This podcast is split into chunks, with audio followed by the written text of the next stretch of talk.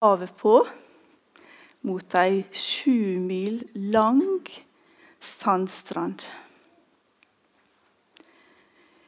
Sånn begynner 'Fred' av Arne Garborg. Og så lurer jeg på om at dere vet at den boka er skrevet i Klepp. Jeg bor på den gården der den boka er skrevet, i hagen vår i et hus som ikke står der fortsatt. Eh, og Poenget mitt med å fortelle det er at slutten på introduksjonen til fred den er sånn at jærbuen og Jeg tror ikke det gjelder bare jærbuen. Eh, stoler på Gud og trøyster seg.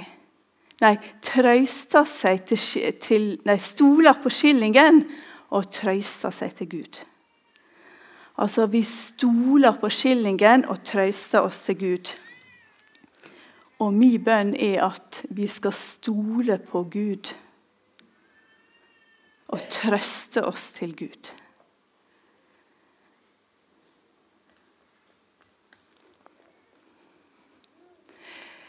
Da kan jeg komme tilbake til Herren, din lege. Ellers så er jeg jo ikke jærbu, og det kommer jeg heller aldri til å bli. Jeg heter Anne Håkonsholm. Kunne hett Nærland hvis jeg ville. det. Men jeg syns jeg har altfor fint etternavn til å bytte. Og så det veldig praktisk når en har et så vanlig navn som Anne, å ha et litt uvanlig etternavn. Jeg kommer fra Ulsteinvik. Eh, og Det er den plassen som springer fra verden nå de siste åra. Senest i går ble vår kjære Karsten kåra til Europas eh, beste idrettsmann. Og det er vi stolte av. Karsten sin bestefar var min første sjef da jeg som blåruss begynte å jobbe på Admis-bygget i Ulsteinvik til Ulsteingruppa, eh, og hadde tenkt å utdanne meg innen data og økonomi. Men uh, Gud hadde en litt annen plan for meg. Jeg har alle tider vært opptatt av dette med sjelesorg, hjertesmerte. Så endte jeg inne på intensivsykepleierstudiet og ble spesialist på hjertet. Rett og slett fysisk hjertesmerte. Eh, men etter hvert så ble jeg mer og mer tatt over i dette her med psykisk hjertesmerte. Sår i hjertet. Eh, og det er det jeg jobber med i dag som veiledningsansvarlig på Kirkens SOS i Rogaland. Og med min sjelsorgpraksis ute på Øgård, på Salte, der jeg bor. Herren, din lege, det er et av navnene på Jesus eller på Gud. Jeg må bare se på klokka her, så ikke jeg mister, mister kontrollen på det. Jeg syns at hjertet er et veldig fint bilde på eh, det at vi trenger lege. For fordi at hjertet det er jo virkelig altså Hvis hjertet stopper, så, så er det ikke mye igjen av oss, rett og slett. Men hjertet det er bildet på så mye annet i Bibelen. Og Det skal jeg komme litt mer inne på. Men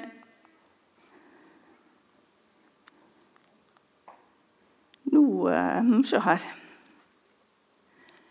Virker ikke den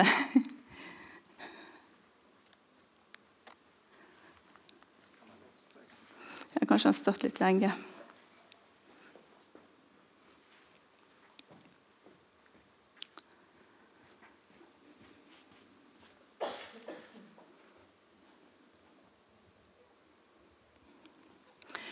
Hjertet det er et bilde på mye mer enn det fysiske hjertet eh, i Bibelens språk. Eh, og når jeg har forberedt meg til denne talen, her, så har jeg bedt veldig mye, for jeg ønsker at det er Gud som skal komme fram i det jeg sier.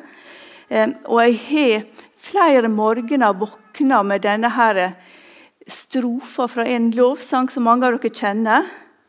Du er mitt håp som bærer all bekymring. Det er denne sangen der vi synger om å legge både våre to fisker og våre fem brød. Eh, og tårene og såra våre over til Gud. Jeg gir alt til deg.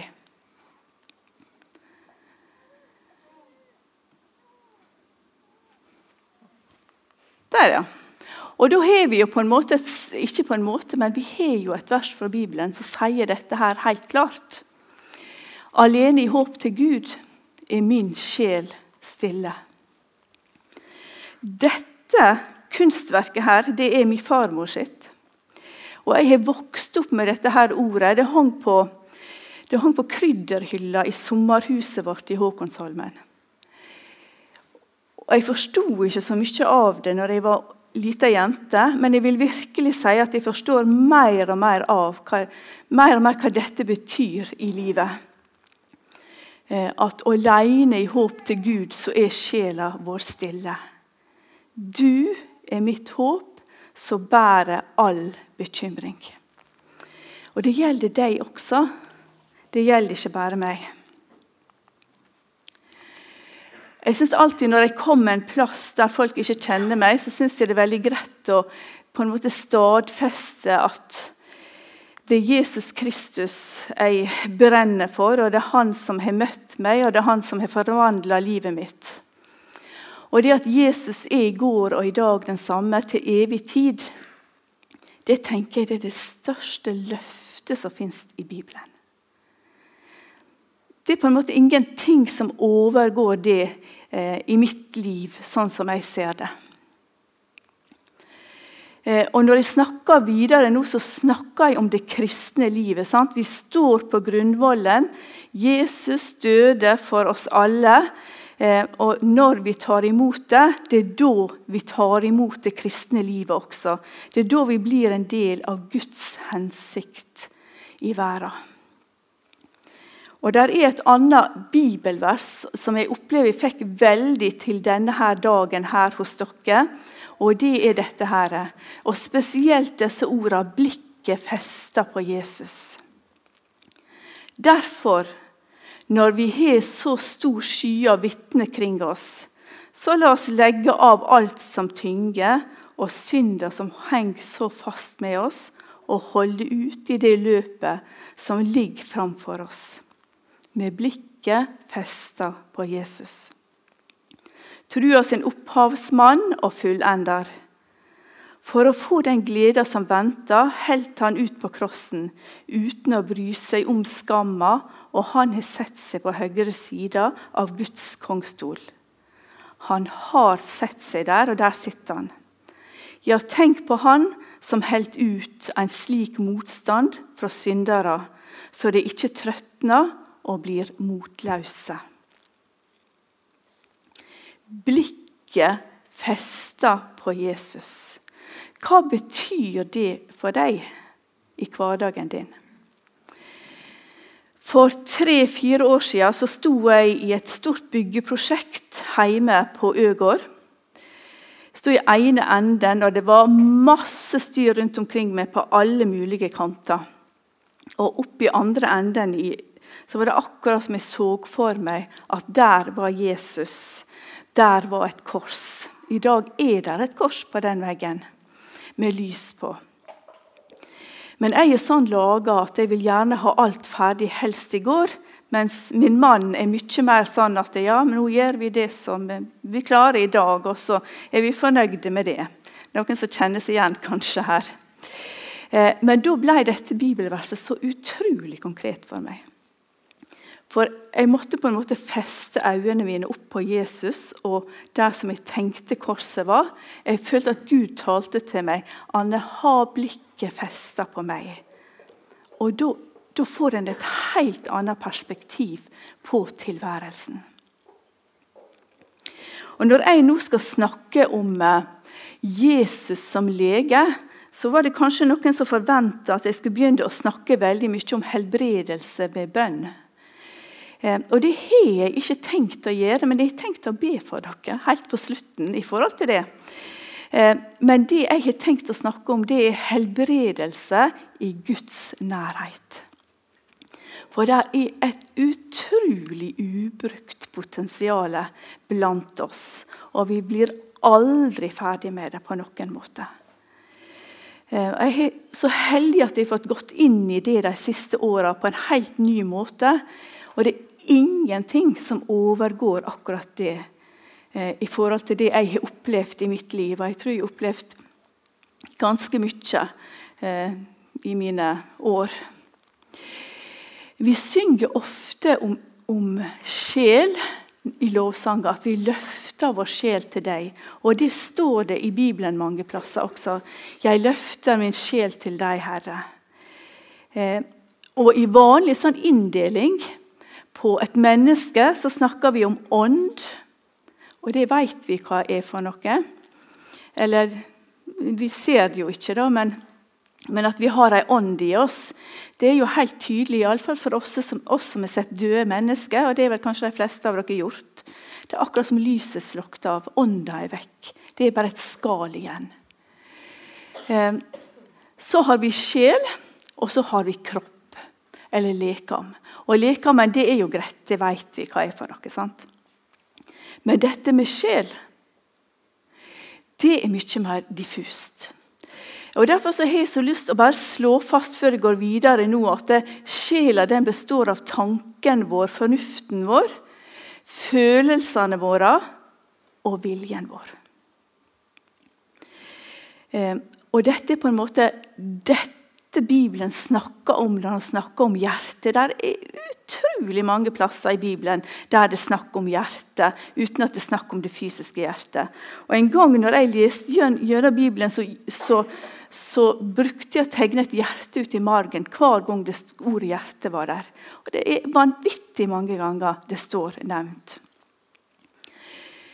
Eh, en plass i Bibelen så står det noe om hjertets øyne. Og det liker jeg så godt, det begrepet der. Og Nå har jeg lyst før jeg går videre, å be om at Gud skal åpne hjertets øyne i oss som er her nå i den enkelte. Jesus, jeg takker deg fordi at du er her.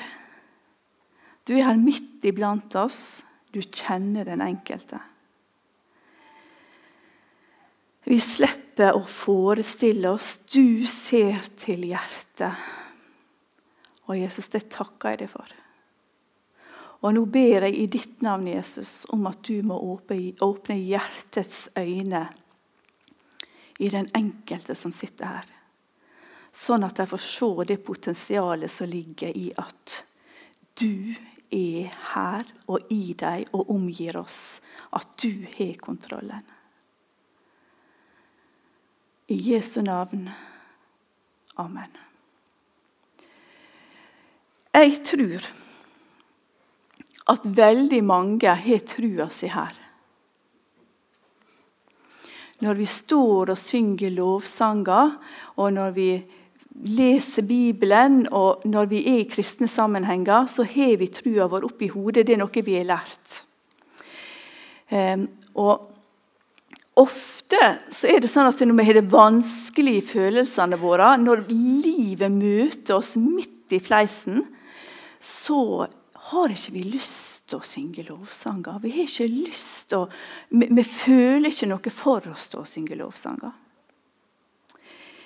Men når vi løfter sjela vår til Gud, så er helt uvesentlig hva vi føler. Om vi føler godt, om vi er glad, om vi er lei oss, eller hva det er.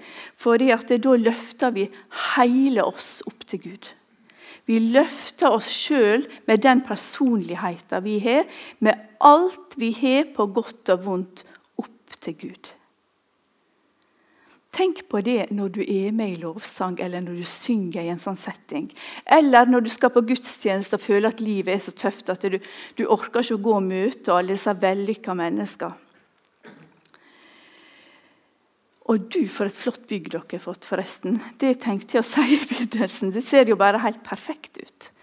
Og det er kjekt at dere inviterer inn folk, nye folk til å bli med her. Du trenger ikke å forestille deg, fordi at Gud vet alt om deg. Og ser dere det at viljen også Av og til så må vi bruke viljen vår for å gå til Gud. gi Gud viljen vår også. Her er du, her er ditt hjerte, her er hele deg med ånd, sjel og kropp. Så tenker vi oss ofte at Gud han er der oppe. Ofte så har vi en sånn forestilling. Og så er det sånn at det kommer en del skyer inn i livet vårt. Og Ofte så er det sånn at vi opplever at disse skyene de står mellom oss og Gud. Jeg får ikke kontakt med Gud fordi at alt dette her står imellom oss. Ehm, og dette kan være travelheten din, alt du har som du må springe fra. Eh, fra plass til plass og ikke har tid til å, å på en måte få kontakt med Gud i det hele tatt. Det kan handle om sår fra barndommen din som popper opp når livet møter deg på forskjellige måter. Noen bruker hele livet sitt på å bli sett fordi at de ikke er blitt sett som barn. For eksempel. Um, det er så mange ting vi ikke er bevisst engang. Og det er faktisk sånn at eh, mange kvinner og menn som er blitt utsatt for seksuelle, seksuelle overgrep, f.eks., de oppdager dette først når de blir foreldre sjøl. For da, er det mye som skjer i kroppen din, og det er en stor omveltning i livet ditt. Eh, og det kan lett føre til f.eks. en eh, svangerskapsdepresjon. Eller en depresjon generelt som vi opplever nedstemthet. Av og til så går folk rundt og tenker at 'jeg orker ikke mer'. Ofte så handler det om at det er noe som vi går og bærer med oss. Og så tenker vi at de får ikke kontakt med Gud fordi at dette stenger. Og det er mange mennesker som i dag går rundt og tenker at de orker ikke livet. Disse møter jeg i hverdagen min på Kirkens SOS, og jeg har også møtt face to face i sjelesorg. Eller det kan være ting som er skjedd i livet vårt, som vi syns er forferdelig urettferdig. Barnet vi ikke fikk, f.eks. Eller noen som vi mista eller ei ulykke som har skjedd. En forbigåelse i en eller annen setting. Tap av anerkjennelse.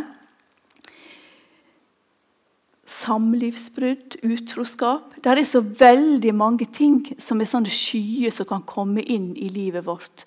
Som gjør at vi opplever at nei, vi har ikke kontakt med Gud. Gud har glemt oss. Og hvis bare så og det er greit for den og den fordi at de har det sånn og sånn. Og Jeg veit ikke hva som er dine skyer i ditt liv, men jeg tror du har noen.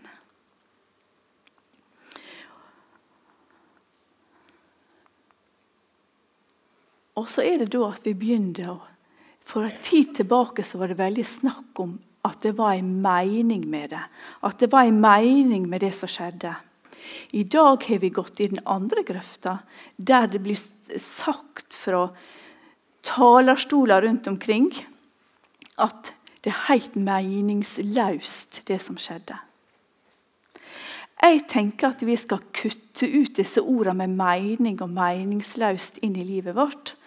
Og vi skal bruke ordet 'det er uforståelig for meg'. Det er helt uforståelig for meg, det som har skjedd. For med en gang vi tar inn dette med mening, så begynner vi å skulle forklare Guds tanker og Guds planer. Og det er ufattelig masse vi ikke forstår. Og det har vi jo fått svart på hvitt. For mine tanker er ikke deres tanker.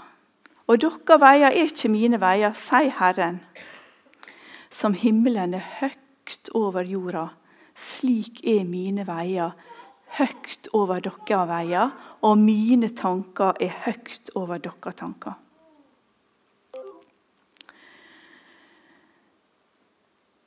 Gud har kontrollen. Gud har ikke mista kontrollen, selv om det er vanvittig masse som skjer. Det er ingenting som kan ramme deg som ikke Gud har tillatt. Og det er mange ting som rammer deg, som er kjempevanskelig å forholde seg til. Og kan virke så ufattelig urettferdig på mange måter. Og så tenker jeg er det sant? Er det sant at dette her holder oss vekke fra Gud? Alt som skjer i livet vårt, og, og alt som på en måte ikke vi rår over. Hvordan er virkeligheten når vi er tatt imot Jesus? Den virkeligheten er sånn når du tok imot Jesus som din frelser og herre i livet ditt, så bor han i deg. Han bor, eller Den hellige ånd. Tenk på det. At Den hellige ånd bor i kroppene våre. Guds tempel. Han, han, er hos deg hele tida. Han kjenner deg fra det innerste. Og hvor hen du går, så ber du han med deg. Og ikke nok med det at han bor i deg, men han omgir deg på alle kanter. Hvor kan jeg flykte fra ditt åsyn? Det er ikke mulig for oss. Han er med oss overalt. Men du må bli klar over det. Du må la Gud få vise deg dette her i ditt liv. Du må la Gud få rett og slett mulighet til å fortelle deg det som du trenger å vite. Det som du trenger å kjenne, og det som du trenger å føle. Og det kan være veldig mange ting som, som kroppen din vet om, som ikke du vet om i følelsene dine. rett og slett. Vi er utrolig eh, komplisert sammensatt. Men Gud vet. Jesus vet.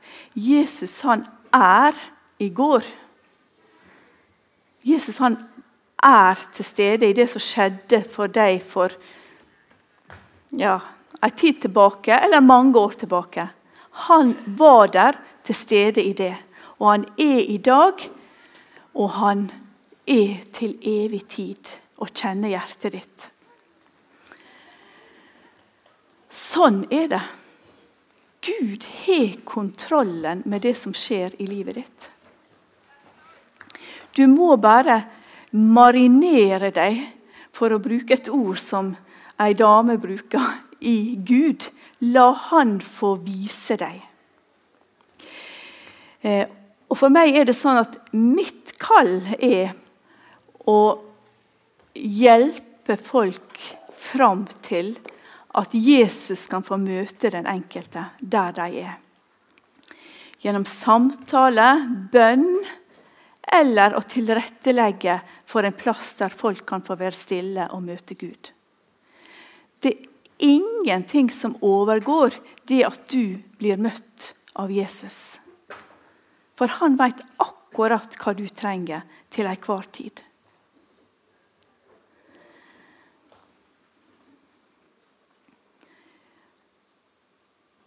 Jeg tror at vi lir av en del mangelsjukdom i kristne sammenhenger.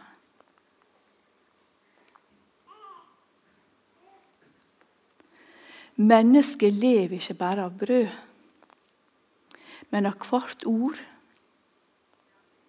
som går ut fra Guds munn. Og Da er selvfølgelig Bibelen nummer én, og alt vi hører, må prøves på Bibelen. Ingen over, ingen ved siden av. Det er Bibelen som er Guds ord. Men Gud kan tale inn i ditt hjerte hvis du gir han anledning til det. Eh, Jesus vil lege din smerte. Jesus vil utruste deg. Jesus vil gi deg det du trenger. Eh, og veldig ofte når vi stopper opp og er stille sammen med Jesus, så starter han med å vise oss sin kjærlighet. Og han veit Jeg kan ikke få sagt det nok, for han veit akkurat hva du trenger. Og det er fantastisk å få være en katalysator i andre mennesker sitt liv på dette området av og til.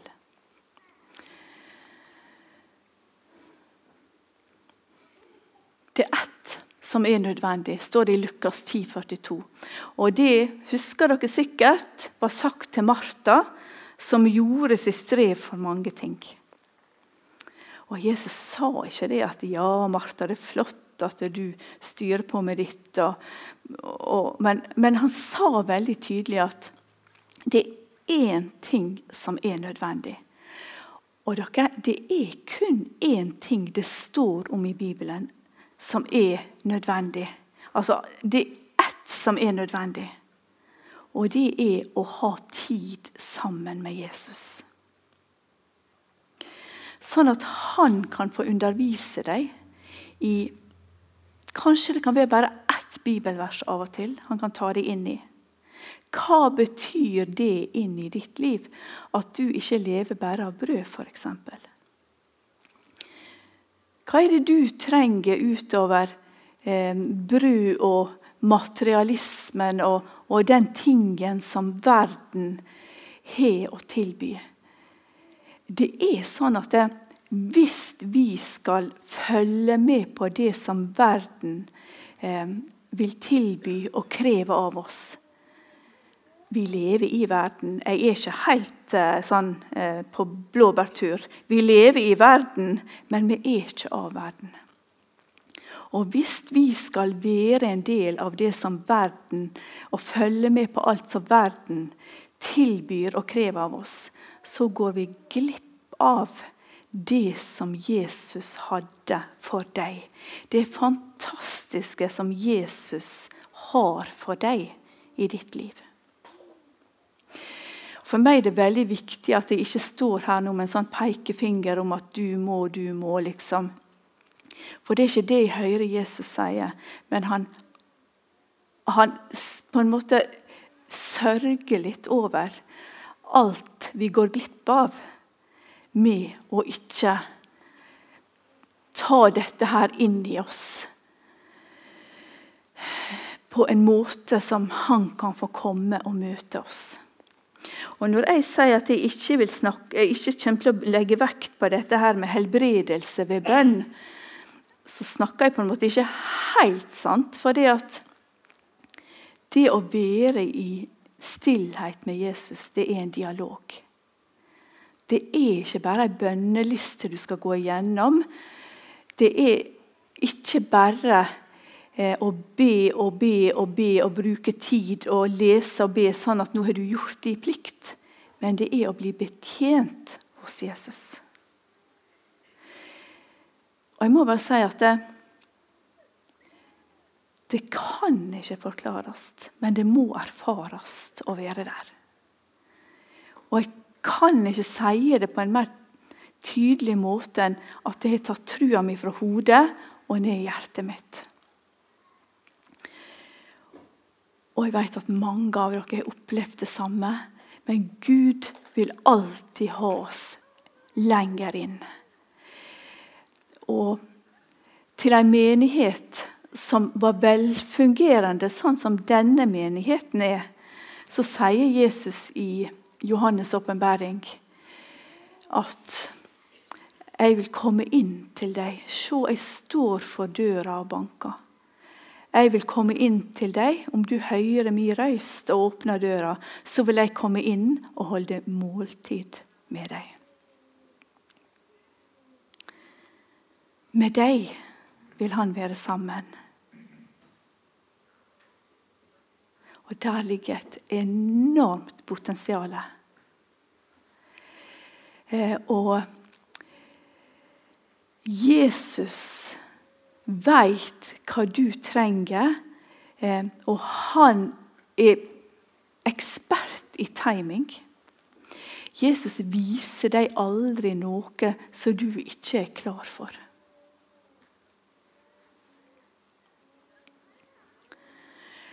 Han vet akkurat hvilke dør som skal åpnes i ditt hjerte.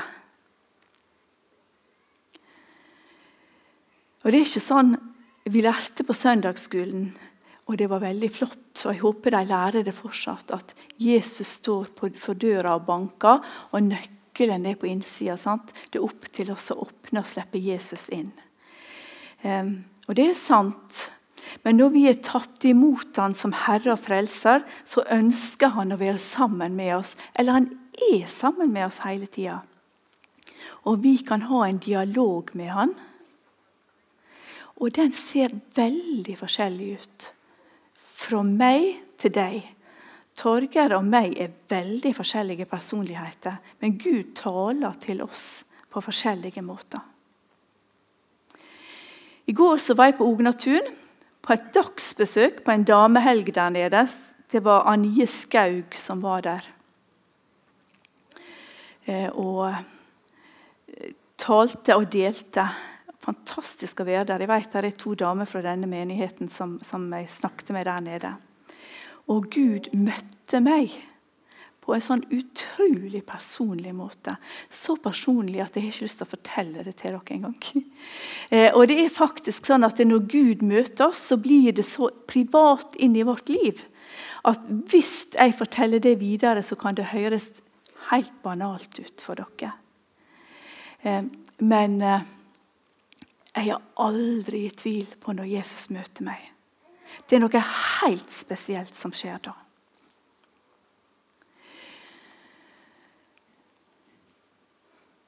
Salme 1 har også vært veldig for meg i denne sammenhengen når jeg skulle komme hit. Sel er den som ikke følger råd fra lovløse og ikke går på synderveg og ikke sitter i spotterlag, men har sin glede i Herrens lov og grunner på Hans lov dag og natt. Har denne åpne dialogen med at Jesus får slippe til i alt. Ikke på søndag formiddag i fokus eller når du er medhjelper, sånn og sånn, men hele livet ditt. Også i smerten din. Eh, vil han slippe til. Da er du lik et tre planta ved rennende vann. Det gir frukt i rette tid, lauvet visner ikke, alt han gjør, skal lukkast. Eh, og det at det skal lukkast, det vil ikke si eh, eh, Mercedes-Benz. Det er jo ikke inn lenger. Da. Det er helt andre ting, andre biler som er inn nå. Da. Men det var det som, som falt for meg nå. Men han veit hva du trenger til enhver tid. Jeg vet jeg har sagt det mange ganger, men jeg er så opptatt av at du skal få oppleve det i ditt liv. Fordi at Jesus han lever, han er helt virkelig. Han bor i deg og omgir deg på alle kanter. Og her har dere ei dame. Her er nok en del folk i alle fall, som er såpass voksne at de kjenner igjen Corrie ten Bom som eh, skjulte jøder under krigen. og Til, til slutt så havna hun og, og um, søstera i konsentrasjonsleir. Denne dama overlevde, men søstera døde. Og når jeg har med henne, Jeg bruker forresten å høre veldig masse på henne.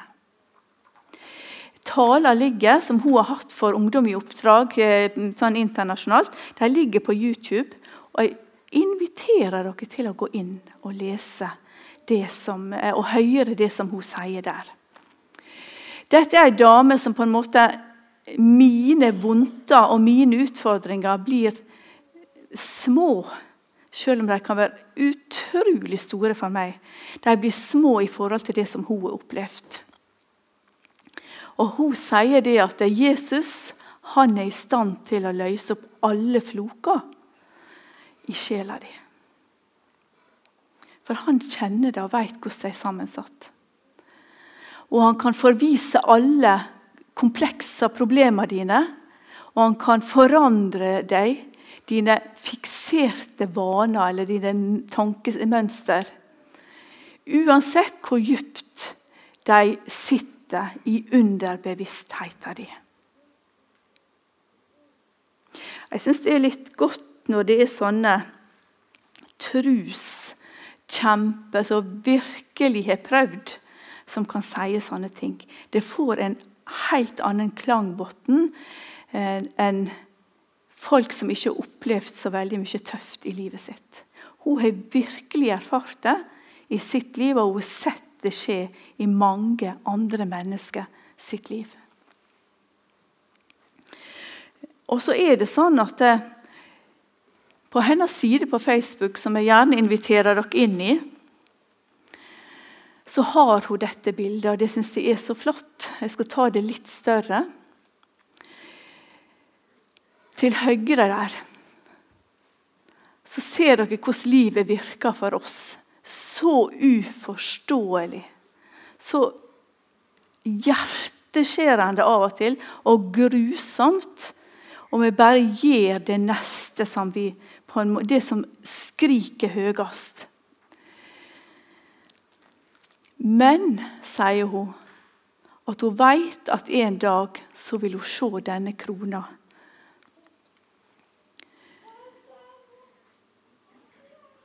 Uansett om trådene i livet mitt ofte har sett knytte og løse og meningsløse ut, så vet jeg i tru at på den andre sida av broderiet, der er ei krone.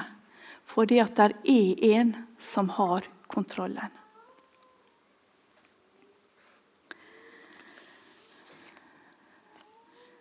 Der er en som har kontrollen. Du skal få slippe å ha kontrollen i livet ditt. I Det nye testamentet så står det 164 ganger at vi er i Kristus. Det står ikke så mange ganger at Kristus er i oss eller i deg. Men det står mange ganger, det også. Og det som Jesus har lagt på mitt hjerte som din lege, det er å invitere deg inn til hans fang.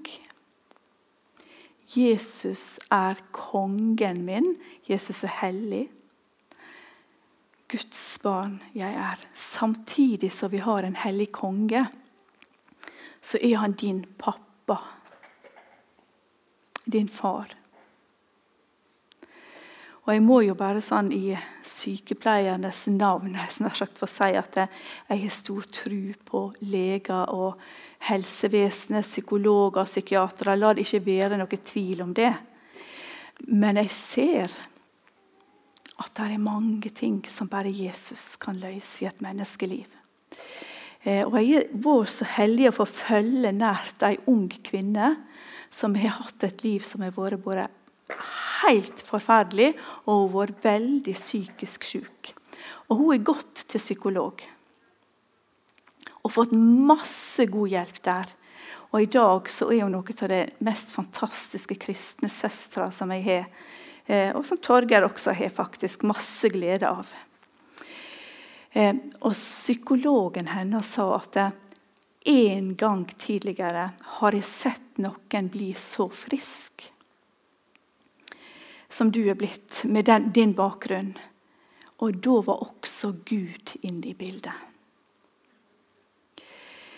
To personer som jeg kjenner, som jeg har fått intervjua i forhold til dette med hvordan det er å ha selvmordstanker, eh, har fortalt meg at må, veien deres ut av dette, det som hjelpte dem det, altså, og Alt jeg forteller her, det har jeg lov til å fortelle. bare sånn, Dette er noe som jeg bruker i undervisning i mange sammenhenger, og som, som folk eh, De er opptatt av at kan jeg bruke det for å hjelpe andre, så er det flott. Den ene gikk fra psykolog til psykiater til sjelesørger til Fikk masse gode samtaler, og det var flott. Så spør jeg men hvordan kom du ut av dette. Hva var det som var hjelpa di?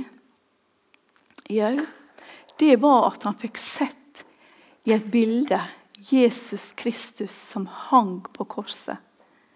Kun for han. Altså et sånt levende bilde av Jesus. Og det gjorde noe i hans hjerte som hjelpte han til å gå videre.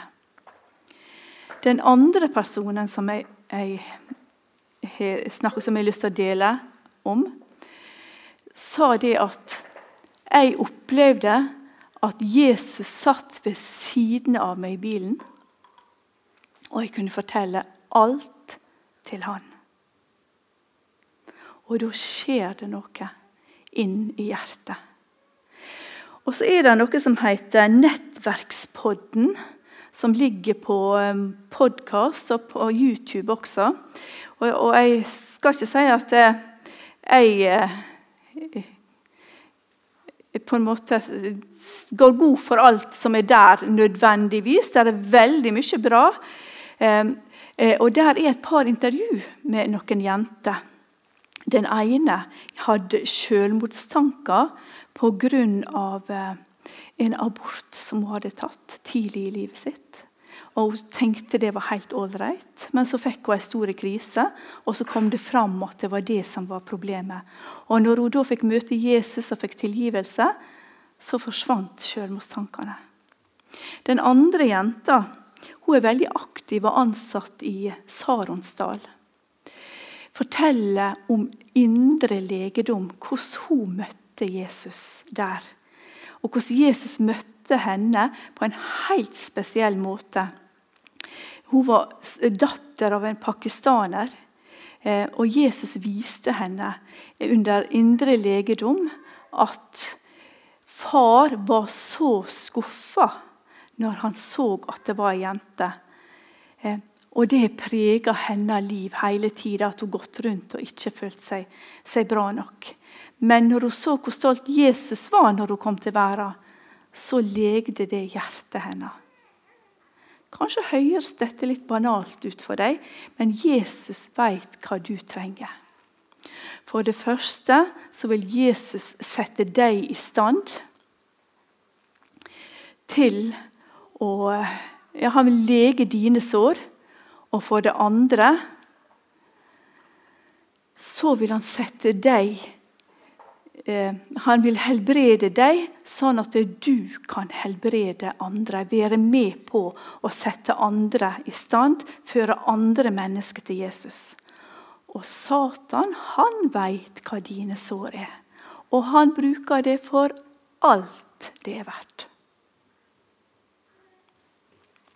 Jeg tror vi må slutte nå, sånn tidsmessig. Må ikke det?